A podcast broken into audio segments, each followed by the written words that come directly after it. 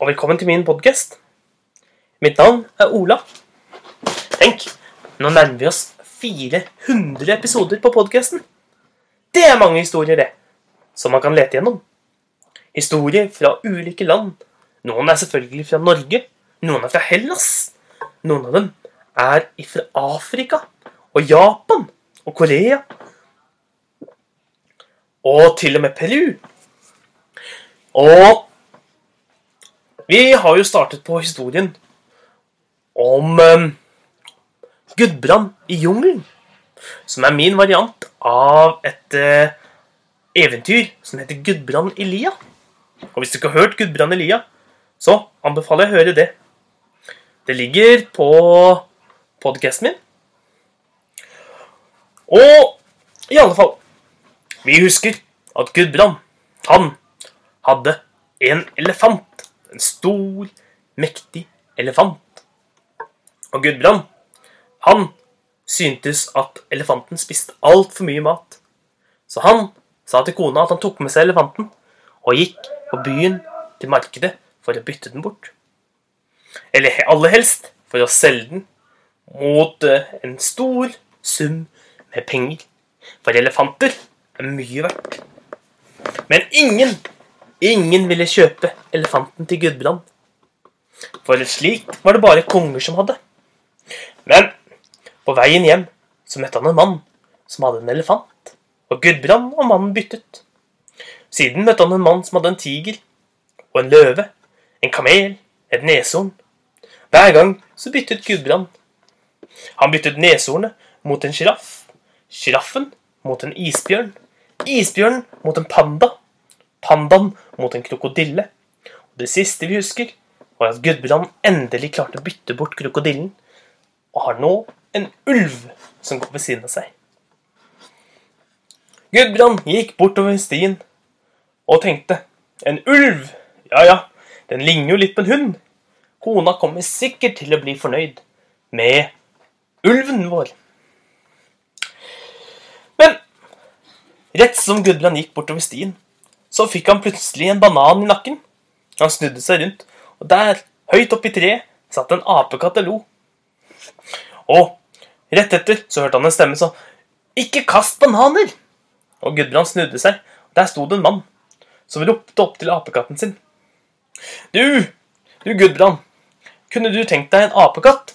Uh, den er ganske rampete og kaster frukt på fremmede, men uh, den er også god til å sanke mye frukt, som den deler med meg. Så du vil aldri gå tom for frukt lenger. Jo, det kunne Gudbrand gjerne tenke seg. Det kom nok kona til å bli fornøyd med. Og Gudbrand gikk glad og fornøyd bortover veien mens han sang en sang.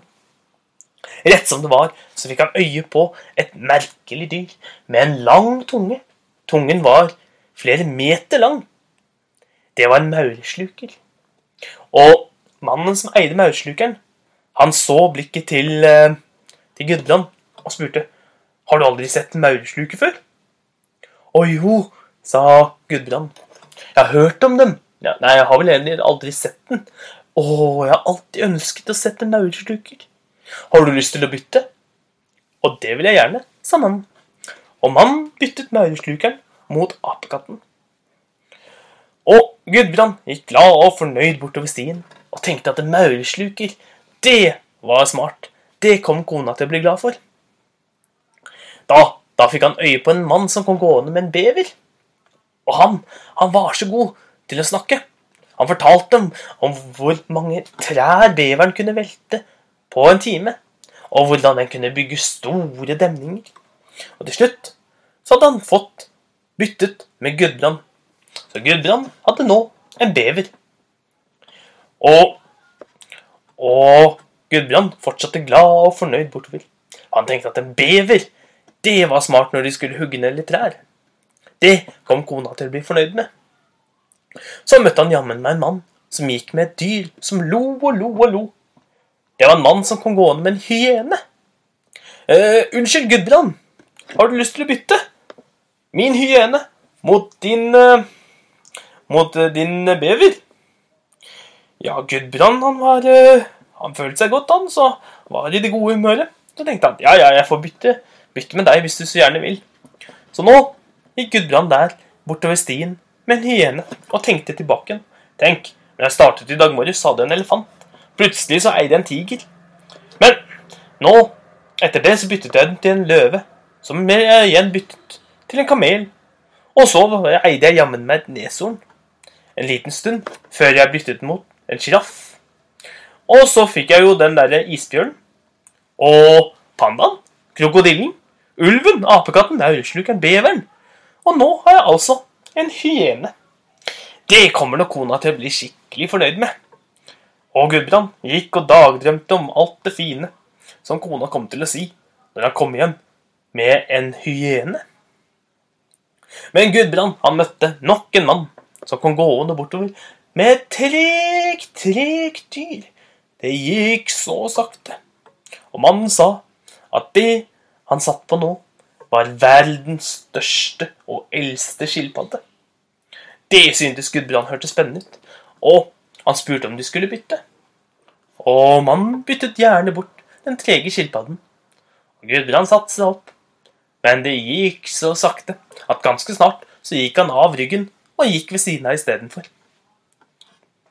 Så møtte han en mann som hadde et, et merkelig fugl med mange farger som satt på skulderen. Og hver gang Gudbrand sa noe, så svarte den tilbake. Gudbrand sa god dag, og fuglen sa god dag. Ehm, fint vær i dag, sa Gudbrand. Fint vær i dag, sa fuglen. Og Gudbrand undret seg storlig over dette. Og mannen sa, det her er en snakkende papegøye. Har du lyst til å bytte? Så kan jeg få skilpadden, og du kan få papegøyen. Ja, Gudbrand var ikke sen å spørre. Han byttet, han. Nå hadde han en snakkende papegøye. Det kom kona til å synes var kjempemorsomt. Men jammen meg gikk ikke han bortover stien, og så så han et, en liten bille.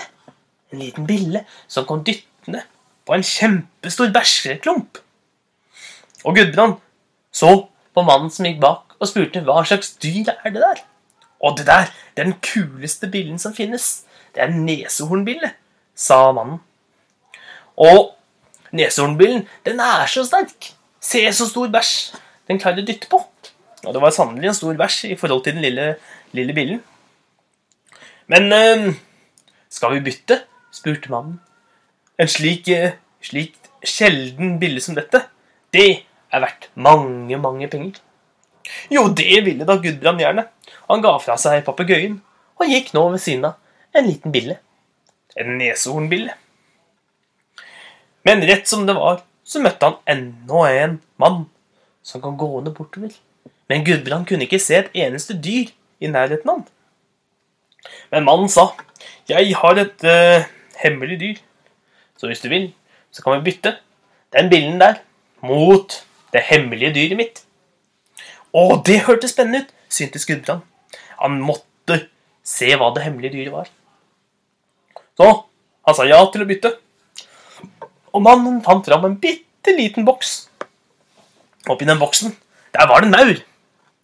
Og Gudbrand så på mauren og tenkte at nå, nå var han skikkelig lurt. Ja, ja, men uh, kona kom sikkert til å bli fornøyd med maur også.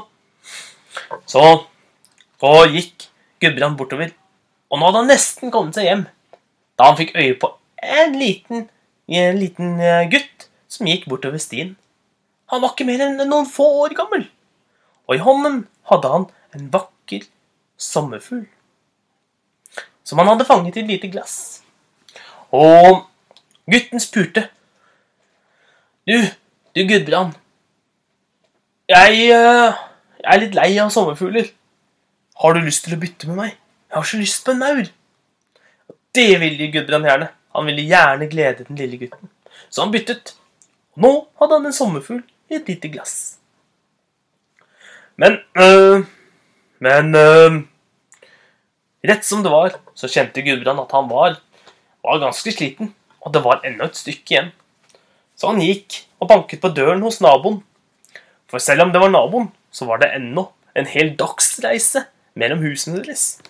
Og han banket på og spurte om han kunne få lov til å komme inn. Jo, det skulle han da få lov til. Og Gudbrand ble tatt imot med både god mat og en varm seng som han kunne sove i. Og mannen han kom til, han het Hassan. Og Hassan spurte Gudbrand. Du, Gudbrand, hva er det du har med deg i den lille glasskrukken? Er det en sommerfugl? Å ja, sa Gudbrand. Jeg har nemlig byttet. Nå skal jeg fortelle deg en spennende historie. Og Gudbrand satte seg ned.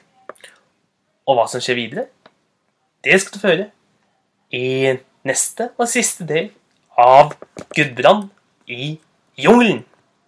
Ha en god dag, så ses vi igjen en annen dag.